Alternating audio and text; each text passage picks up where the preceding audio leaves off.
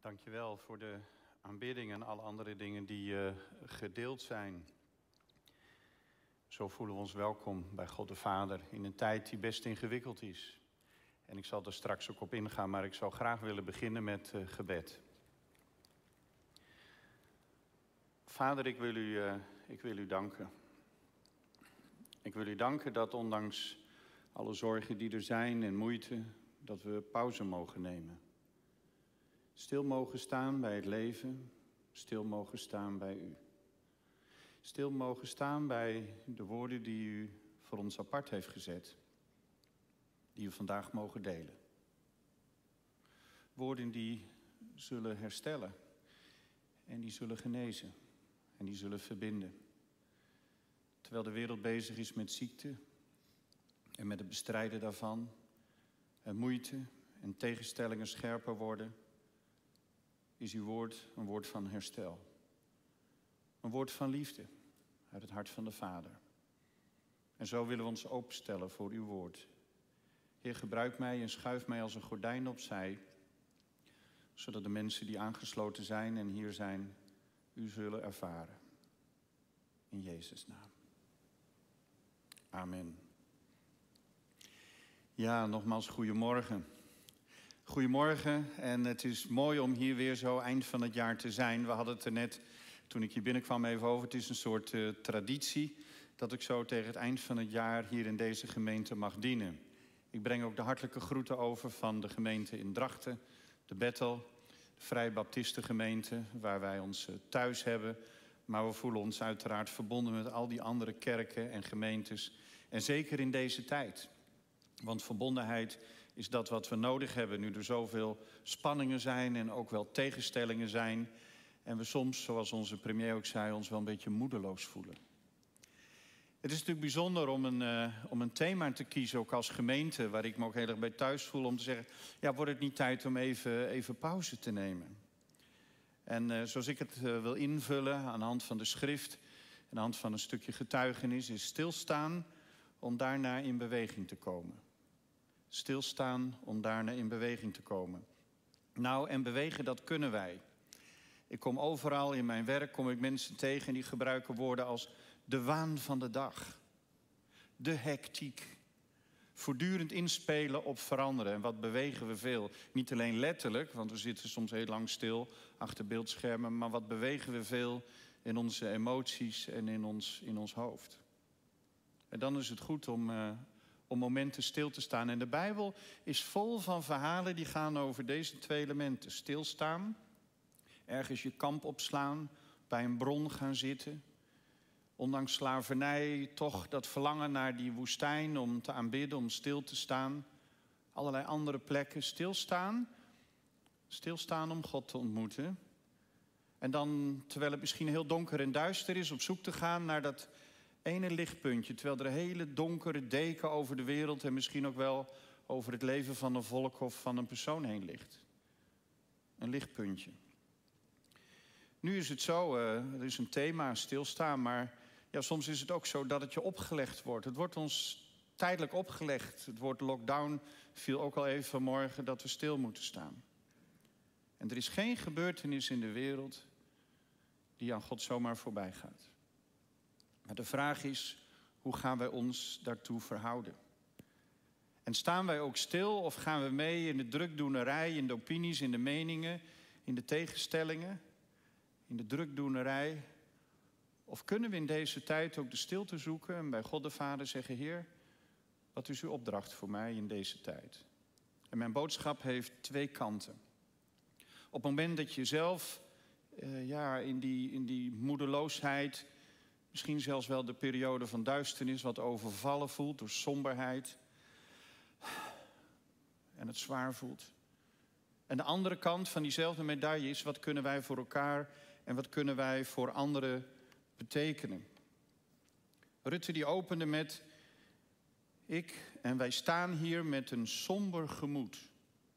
Een somber gemoed. En dan zegt hij vervolgens: Ik denk dat veel mensen nu zitten te kijken dat ook zo voelen. Was de persconferentie van gisteravond.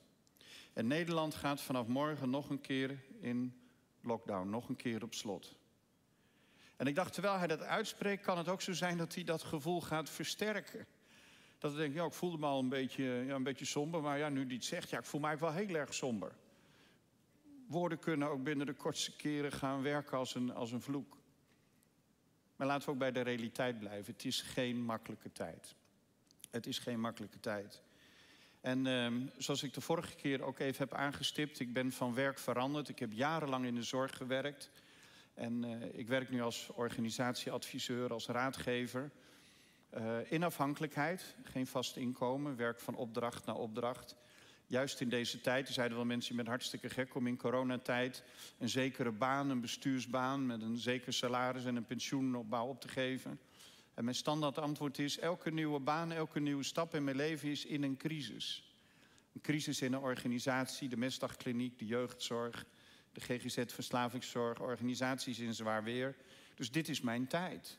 Om in een crisis weer een stap te nemen en allerlei zekerheden los te laten en op te geven. En God zegen dat. Ik mag nu al een ruim een jaar werken in wat meer vrije ruimte naast mijn hoogleraarschap aan de universiteit. Om van opdracht naar opdracht te werken. En ik merk dat God mij in deze vrije ruimte naar heel veel plaatsen der moeite brengt. Vooral de laatste periode. En dan mag je een woord van troost, een training, een masterclass, een toespraak geven, coaching geven aan directies. En uh, het is niet altijd makkelijk. En ik ben ook niet van de Chakra-beweging om daar juichend en enthousiast overheen te ketsen en te zeggen: kom op en het komt allemaal wel goed. Nee, dan gaat het erom om die ander te ontmoeten in zijn of haar plaats der moeite. En wat zijn er veel plaatsen der moeite op dit moment? De plaats der moeite. Ik moet ook aan Psalm 23 denken. De Heer is mijn herder. En er staat zo mooi die ene regel. Die ene regel is zo prachtig. Al ga ik door een dal van duisternis. Ja, ik hoef er niet alleen doorheen te trekken. Soms ga ik door een dal van duisternis, diepe duisternis. Maar ik vrees geen kwaad, ik vrees geen ellende. Want toch, u bent bij mij. Ik hoef er niet alleen doorheen. Maar wat is dan, wat is dan de boodschap die wij brengen? Wat is de boodschap van de kerk vandaag? Terwijl er zoveel moeite is. De wereld is een plaats der moeite. Er zijn situaties plaats der moeite. Ik sprak een aantal mensen van een oudere zorginstelling, 800 cliënten, 120 zijn ernstig ziek en waarschijnlijk komt de helft te overlijden. Wat is dan de boodschap? Bezocht een andere organisatie en dan zeggen ze, zou je een soort, soort TED-talk uh, iets kunnen doen? Want we, we zitten er helemaal doorheen. Een onderwijsinstelling, 30% uitval van de leerlingen.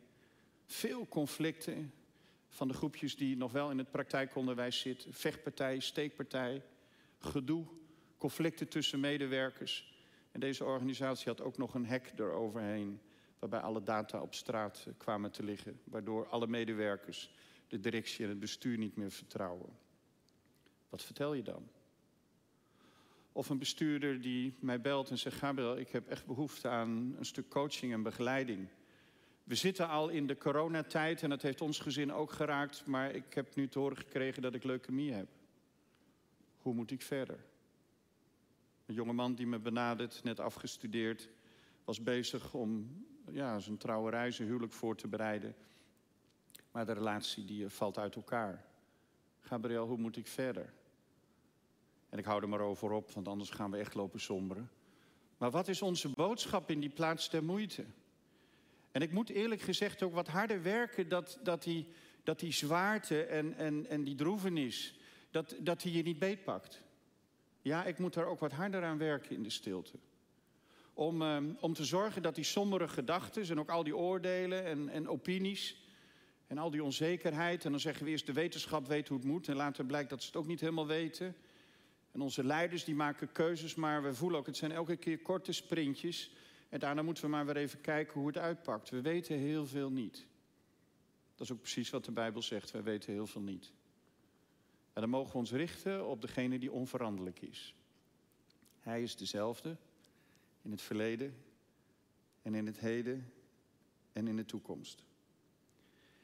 De plaats der moeite, daar gaan we eens over nadenken. Wat is onze boodschap? En ik neem jullie graag even mee naar een uh, volgende dia. Lukt dat om. Uh, ja, kijk, dat is een uh, foto van mijn zoon en mijzelf. ik merk aan jullie dat je meteen weet wie ik ben en wie mijn zoon is. Dat zie je natuurlijk aan het uiterlijk. Dit is een foto van mijn zoon op de zorgboerderij. Met een, met een eigenwijs mini-ezeltje. De foto mag blijven staan als dat lukt. Met een eigenwijs mini-ezeltje. En mijn zoon, ik heb er wel eens vaker over gesproken, die heeft geen taalontwikkeling. En hij doet alles met gebaren of via aanraken of via contact. Hij heeft autisme en een verstandelijke beperking. En regelmatig overkomt het mij dat ik heel druk ben. En dan ben ik met zijn, spulletjes bezig of, of aan het praten, zijn tas of iets anders. Of ik heb allerlei dingen, het oud papier in de auto doen en allerlei dingetjes die we dan samen gaan doen. En dan komt het me voor dat hij voor mij komt staan. En dan denk ik, heb ik helemaal geen tijd voor, want ik ben druk en ik wil dit en ik wil dat. En dat hij even twee handen op mijn schouder legt. En in het begin heb ik de neiging om te zeggen, heb ik geen tijd voor jongen? En dan maak ik een gebaar, maar ik krijg geen gebaar terug. En dan denk ik, nou ja, dat is ook makkelijk. Als je geen reactie terugkrijgt, kun je doorgaan. Nee, maar dan heel beslist drukt hij even opnieuw die twee handen op mijn schouder en zet mij op mijn plek. Stilstaan. Even stilstaan. En de eerste keer moest ik proberen te voelen, intuïtief voelen, wat hij tegen mij zei. En ik denk dat hij dit toen tegen mij zei toen het de eerste keer mij overkwam. Toen ik lekker druk was. En hij een beetje naar me keek van, hé hey papa, wat gebeurt hier? Ik denk dat hij het volgende tegen mij zei. Papa, lieve papa, zou je bij me willen zijn in het hier en nu?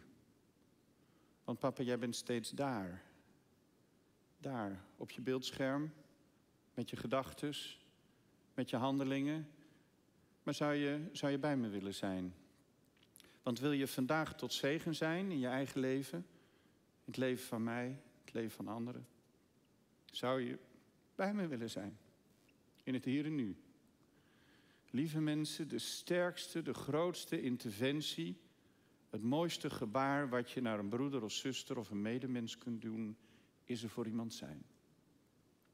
We willen altijd wat doen en we hebben meningen en, en ideeën en opinies. En we snijden graag eh, stevige onderwerpen aan in ons land. Maar we moeten soms weer oefenen om er gewoon te zijn. Wat is onze meest primaire levensbehoefte? naast eten en drinken en een beetje warm dekentje om je heen, is dat er iemand voor jou is. Hebben we behoefte aan allerlei meningen en discussies of nog meer zwaarte? Nee, iemand die er, die er voor jou is, met liefdevolle aandacht. Die met Gods oog, met Gods hart naar jou kijkt en er voor jou is. Dit is de ene helft van de medaille. Wat kunnen we in deze tijd doen? Wij maken het verschil door er voor de ander te zijn en de zwaarte niet mee te nemen in het contact. Want wat er met mij gebeurt als ik zo druk bezig ben, en even naar het model van het ezeltje, dan ben ik niet in contact. Als wij nadenken over het woord heilig, zit daar heel in. En heel betekent verbinding. Jezus is gekomen om de verbinding te herstellen. En ik merk in deze tijd van spanning en droevenis en allerlei gebeurtenissen raken we, als we niet uitkijken, de verbinding kwijt. Ook de verbinding met ons eigen leven. Om zo te zeggen, ons diepere zelf. Niet ons gepresenteerde zelf als functionaris, als docent, als zorger, als leerkracht, als leider, als hulpverlener, als bakker en slager. Dat is ons gepresenteerde zelf. Dat zijn onze bezigheden. Nee, maar met die diepe innerlijke kern. Daar waar God ons voor geroepen heeft. En soms voel ik mij zo als dit ezeltje. Dan moet ik even, even stilgezet worden. Er is nog iets interessants. Ik heb ontdekt dat mijn zoon als geen ander met dieren om kan gaan. Nou, als ik dit ezeltje zie en hij moet naar de carport, dan denk ik, nou, hup, fort. Dan, en dan gaat dat ezeltje wel.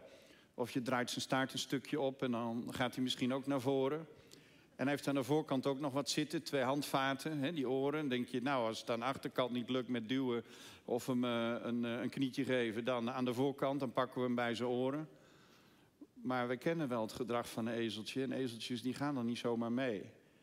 En wat ik elke keer mijn zoon, ondanks zijn zogenaamde beperking en het gebrek aan taalontwikkeling en dat soort dingen zie doen, is dat hij door contact, soms een vrij bokkig en ook wel een beetje groot paard, gewoon de wei in krijgt. En niet door dwang, maar door contact. Er zijn en contact maken. En wat is mijn boodschap op die plaatsen der moeite? Dat is samengevat, je hoeft het niet alleen te doen. Je hoeft het niet alleen te doen.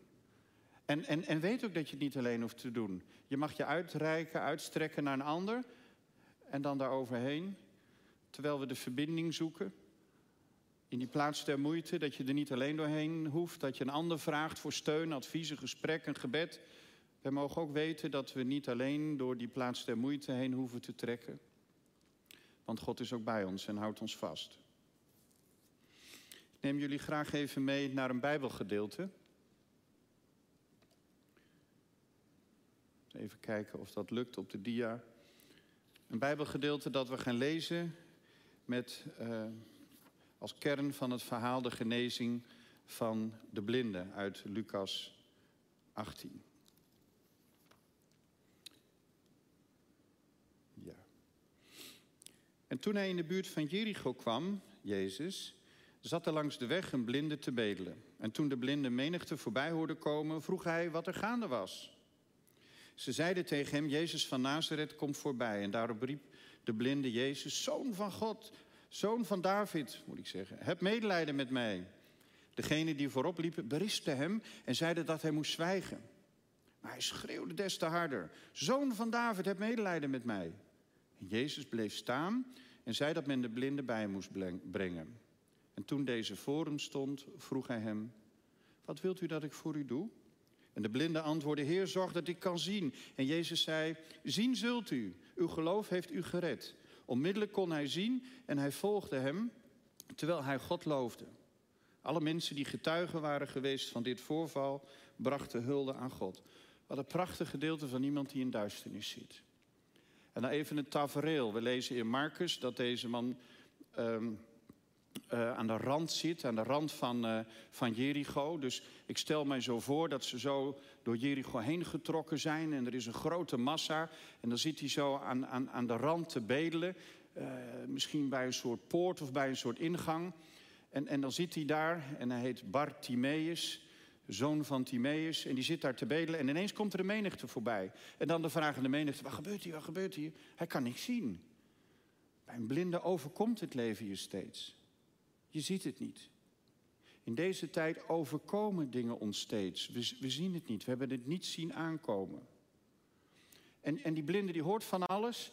En misschien staat hij ook op en hij klampt iemand aan. En, en dan zegt iemand, ja, die jonge rabbi. Jezus uit Nazareth, die komt langs. Oh, nou daar had hij van gehoord. Hij komt uit het geslacht van David, een koningszoon. En dan begint de partij kabaal te maken. En misschien heen en weer te lopen. En, uh, en zijn armen en zijn benen te bewegen. En dan zeggen de mensen die voorop lopen. Ja, je mond even, jongen. Even een beetje rustig aan. Uh, dat kunnen we niet gebruiken hier, kabaal. Uh, straks beginnen de Romeinen ruzie te maken met ons. Want als je het nou hebt over een, een, een koningszoon of een koninklijk geslacht. kan dat wel eens problemen opleveren. Of nee, we hebben haast. We zijn onderweg op, on, onderweg op reis naar Jeruzalem. We hebben hele andere dingen te doen.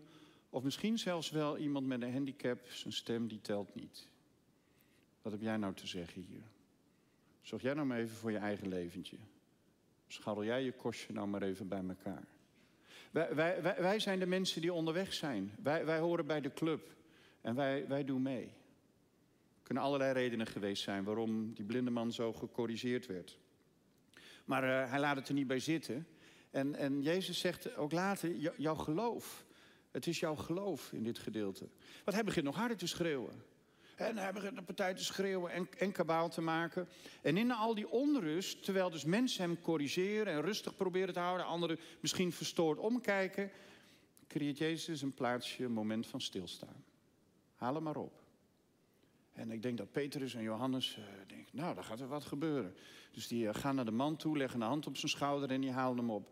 En die blinde man die zal eerst hebben gedacht, waar, waar, staat die jonge rabbi uit Nazareth? Waar zal Jezus staan? En ik vermoed, dat stel ik me dan zo voor, dat Jezus even de hand op zijn schouder legt. Hier ben ik, deze kant. En wat zal ik voor je doen? Interessant zo'n vraag. Ik denk, nou, dat is nog, nogal, nogal virus wat je te doen hebt. Die man die kan niet zien. Nee, God wil gebeden worden. En hij wil horen. Wat kan ik voor jou doen? Ja, alstublieft dat ik, dat ik weer kan zien. En dan wordt hij ziende. Wat een geweldig feest. En wat zie je in het leven van deze man? Zijn hele leven draait om. Hij gaat niet terug naar zijn bedelplaats. Hij ruimt daar zijn rommel niet op en zijn matje niet. Maar hij looft God en hij volgt, hij volgt hem, hoofdletter. Hij volgt Jezus. Prachtig hoe in de duisternis er een kleine twinkeling is aan de hemel. De jonge rabbi uit Nazareth verschijnt. En uiteindelijk, Jezus wordt geboren in deze stal en brengt licht. Een radicale omdraai in het leven van deze blinde man.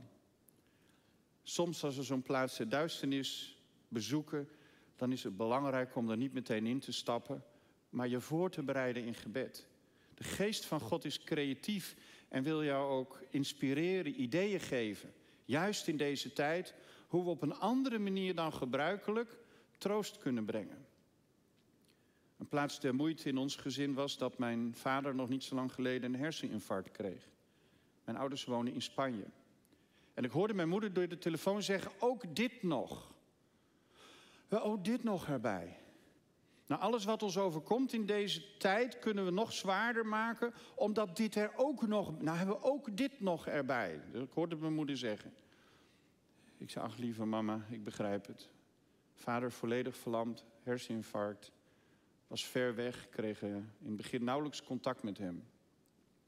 En we konden niet naar hem toe, want ook daar zijn de ziekenhuizen dicht. Je mag hem niet bezoeken. Denkt, hoe, hoe komt dat? Mijn moeder mocht zelfs niet op bezoek. Ook dit nog. Nou, dan voel je je heel zwaar. Dan is het heel donker in de hemel. En ook als gezin, dan binnen de kortste keren ga je, ga je druk lopen doen. Mijn broer is arts en dan ga, dan je zeggen... moet jij die andere dokter niet eens even bellen? En uh, moeten we niet zussen, moeten we niet dat regelen? En moeten we niet... Uh, nou ja, er, er ontstaat een enorm circus. En binnen de kortste keren ben je het bezig om te werken... in allerlei gedoetjes en discussies en in verdriet. En vergeet je om stil te staan. Ben je alleen aan het bewegen. En ik heb de stilte gezocht en gevraagd: Vader, wat, wat wilt u doen? Hoe moet ik mij verhouden tot deze situatie? En ineens kreeg ik het idee: eh, het gebed tot onze Vader heeft een hele belangrijke plek in ons gezin, ook in mijn bekering. En ik dacht: ik eh, spreek een filmpje in. En ik zeg: Papa, wat, wat, wat woorden. Lieve papa, um, je bent ernstig ziek en uh, ik ben in Nederland, ik kan niet bij je komen. Ik ben nu onderweg, ik was ook onderweg voor mijn werk. Maar ik neem dit filmpje op en jij bent ook onderweg. En uh, we maken ons zorgen en we zijn, zijn bedroefd. Want ons gevoel zegt dat jij onderweg bent in de laatste fase van je leven. Maar hoe het ook uitkomt, lieve papa, ik wil een paar dingen tegen je zeggen. En het eerste wat ik tegen je wil zeggen is: als, als ik zou mogen kiezen en opnieuw geboren zou worden, bij welke ouders ik geboren zou willen worden, papa, als ik zou mogen kiezen, zou ik je weer uitkiezen. Dank je wel. Dank je wel. Dank je wel voor het leven wat je mij ons hebt gegeven. Ach, er is ook wel wat misgegaan, tuurlijk. Maar dank je wel. Waardering, liefde als kind. En natuurlijk valt er niks te kiezen. Maar het is beeld dat je van je ouders houdt. En woorden die ik vond. En het tweede, papa, wat ik met je wil delen is, ik wil graag voor je bidden. Een reisgebed. Een gebed voor onderweg het Onze Vader. En ik bad het Onze Vader. En uh, ik sloot nog met wat woorden af. En ik zei tegen mijn moeder, zou je dat filmpje... Uh, waarin ik als kind iets van mijn hart laat zien... Uh, en het gebed aan papa willen laten zien op het moment dat hij bij is. Dat hij het ook kan pakken. Duurde een paar dagen en hij was goed bij, in contact, kon moeilijk praten. Wel wat woorden zeggen. Ehm, maar hij kwam uit zijn coma en hij keek naar het filmpje. En hij zei, ach, wat lief van Gabi. Zo noemt hij mij, geen Gabriel, maar wat lief van Gabi. Maar zeg nog maar iets anders. Het is goed zo, want ik heb het licht al gezien. Het is goed zo. In die duisternis is er altijd een lichtpuntje. En ondanks dat je vader dan in coma ligt en er net uitkomt, is er dan die doorbraak. En doordat hij dat zei tegen mijn moeder, draaide het hele perspectief van het gezin. Wat er ook uitkomt, het is goed. Papa heeft het licht al gezien. En later zei hij, ik heb het licht gezien, maar ik mocht nog niet blijven. Ik moest nog even terug. Maar het is zo mooi. Op dat moment stop je met vechten en piekeren. En ach, waarom overkomt ons dit? En hadden we niet zus en hadden we niet zo. Maar dan weet je dat de reisbegeleider, de morgenster, bij hem is. In de duisternis een lichtpuntje kunnen zien. En maakt dat het meteen allemaal happy de kleppy? Nou, u merkt het aan mij, die emotie is er. En tegelijkertijd is er in dat dal van duisternis die deur van de hoop. Die morgenster. En dat zicht op een geweldige toekomst. Ik denk, terwijl de wereld in duisternis is... en terwijl we het veel hebben over ziekte... roept God zijn gemeente op om licht te brengen en herstel. Dat is onze opdracht, lieve mensen. Ondanks de omstandigheden kunnen wij vanuit het perspectief van Gods woord op een nieuwe manier, een alternatieve manier naar deze situatie kijken. We hebben het vaak over buiten de box denken. Weet u wat buiten de box denken is? Bijbels denken. De wereldse box gaat ons weinig troost, tijdelijk troost, even een oplossing bieden. Maar buiten de box denken is geïnspireerd door de Heilige Geest op een creatieve, vernieuwende manier, op een bijbelse manier denken. Ik ga met jullie nog even naar een ander Bijbelgedeelte. We zijn per slot verrekening onderweg naar het geweldige kerstfeest. Uit Matthäus 2. Onderweg naar kerst. Er waren een aantal wijzen, magiërs worden ze ook wel in de vertalingen genoemd. Die hebben koning Herodes gesproken. Die is erg geschrokken. En die denkt, nou als er een koningszoon geboren wordt, daar, moet ik wat mee. Die wil ik uit de weg ruimen. Zegt hij niet tegen die wijzen uit het oosten. Maar doe maar onderzoek en vertel me waar je hem hebt gevonden. Ik lees vanaf vers 9, hoofdstuk 2. Nadat ze de koning hadden aangehoord, gingen ze, de wijzen, op weg. En nu ging de ster die ze hadden zien opgaan voor en uit, totdat hij stil bleef staan boven de plaats waar het kind was. En toen ze de ster zagen, werden ze vervuld van diepe vreugde. Ze gingen het huis binnen en vonden het kind Maria, zijn moeder, en wierpen zich in aanbidding voor het kind neer. En daarna openden ze hun kistjes met de kostbaarheden en boden het geschenken aan. Goud, wierook en mirre. Zo'n prachtig verhaal. Een prachtig verhaal terwijl het volk van Israël in een donkere periode leeft. Overheerst wordt door de Romeinen. Er is een volkstelling gaande. Helemaal geen leuke activiteit, want als je naam opgeschreven is, mag je belasting gaan betalen. En de belastingen waren zwaar. De Romeinen trokken een bloedspoor door de wereld heen, onderdrukten allerlei volkeren, namen volken gevangen. Hoge tax, hoge uh, belastingen werden er betaald. En uh, het was duisternis. Maar er was ook een hoop, ook een verwachting bij het volk. Er was ook een hoop en een verwachting van, ja, er staat wel wat te gebeuren. Er staat wel wat te gebeuren. En er werd veel gebeden in de tempel, dat lezen we ook. En er werd gezocht en gebeden en gehoopt. Maar niemand zag die ster, ook heel interessant, alleen de buitenstaanders. Ze waren nog zo bezig met hopen en werken en doen.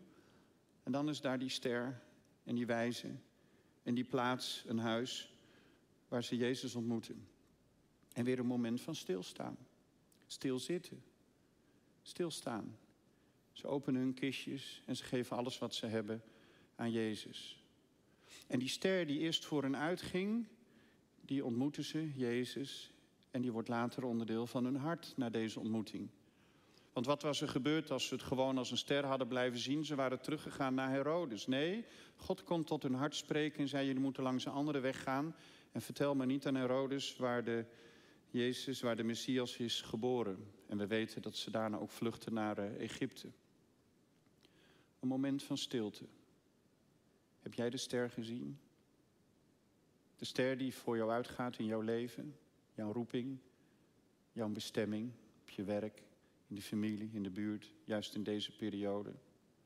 Het is goed om te bewegen, erachteraan te gaan. Maar ben je op die plaats, dan is het ook goed om stil te zijn. En je handen te openen en te zeggen, Heer, wat kan ik doen? Wat kan ik in deze situatie doen voor mensen die eenzaam zijn in deze tijd? Voor mensen die depressief worden. Voor jongeren die niet meer gemotiveerd zijn in het onderwijs. Voor relaties die onder druk staan. Voor alleenstaande moeders die het met vier kinderen in deze tijd niet redden. Die kinderen die niet naar school kunnen. Heer, wat, wat zou ik in deze tijd kunnen doen? En soms is een hand op iemands schouder, een pannetje soep, een troostkaart, even aandacht. Er zijn.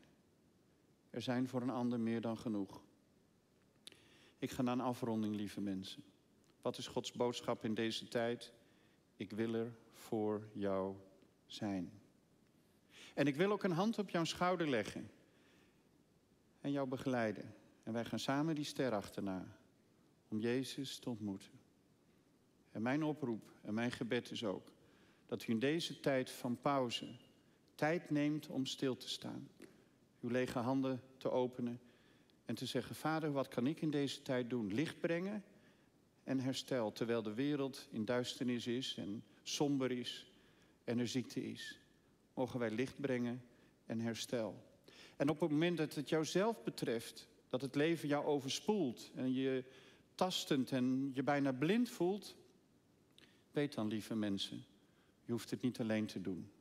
Vraag een broeder of zuster om je te helpen of neem contact op met het pastoraat. Maar boven alles, God zorgt voor jou. De muziek mag naar voren komen en dan zullen we een moment van stilte en gebed hebben. Zullen we bidden en dan kan de piano alvast wat spelen voor ons. Vader, ik wil u danken voor deze twee schriftgedeeltes. Twee schriftgedeeltes waarbij we stil mogen staan. Stil mogen staan bij u, Jezus. U creëert plaatsen van stilte. En op die plaats, op die plek van de ontmoeting, daar schijnt het licht. Een nieuw perspectief op ons leven. Een nieuw perspectief op een situatie. De plaats der moeite opent zich de deur van de hoop.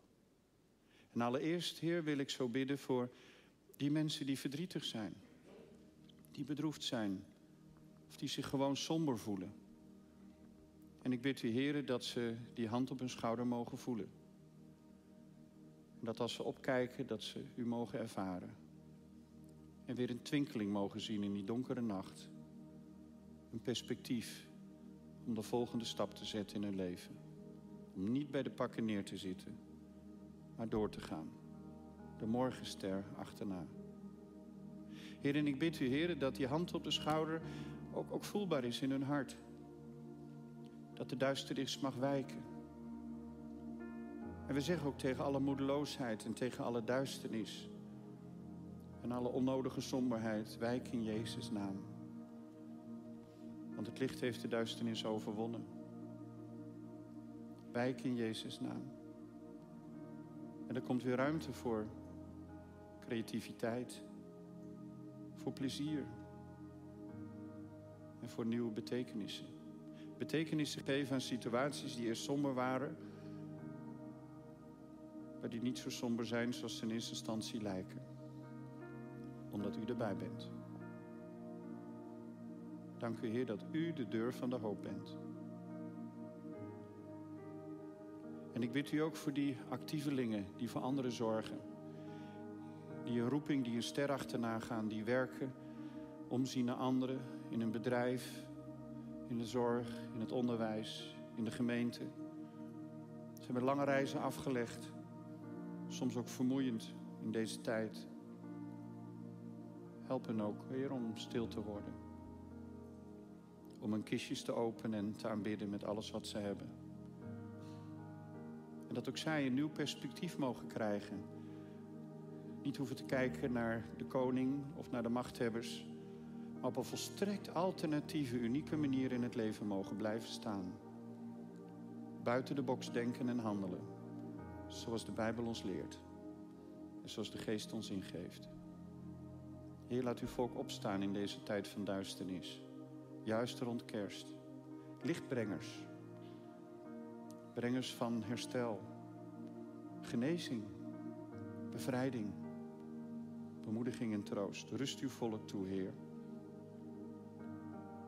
En als je vermoeid en belast bent, dan bid ik je Gods liefde en rust toe. Trouwe knecht, dank je wel. Maar het is ook even genoeg, je mag pauze houden. Stilstaan om straks weer te bewegen. Een nieuwe koers, een nieuwe visie. Dank u Heer voor uw woord en dat u dat uitwerkt in ons midden, in ons persoonlijk leven. Dank u, Heer, dat we in de gemeente ook kwetsbaar mogen zijn, lief en leed mogen delen. Maar dank u dat we niet bij de pakken neer hoeven te zitten. De duisternis wijkt, want er is altijd een twinkeling aan die donkere hemel. Dank u voor uw woord. Dank u voor uw geest. En dank u, Jezus, dat u in deze wereld bent gekomen, geboren in een stal. Amen. Amen.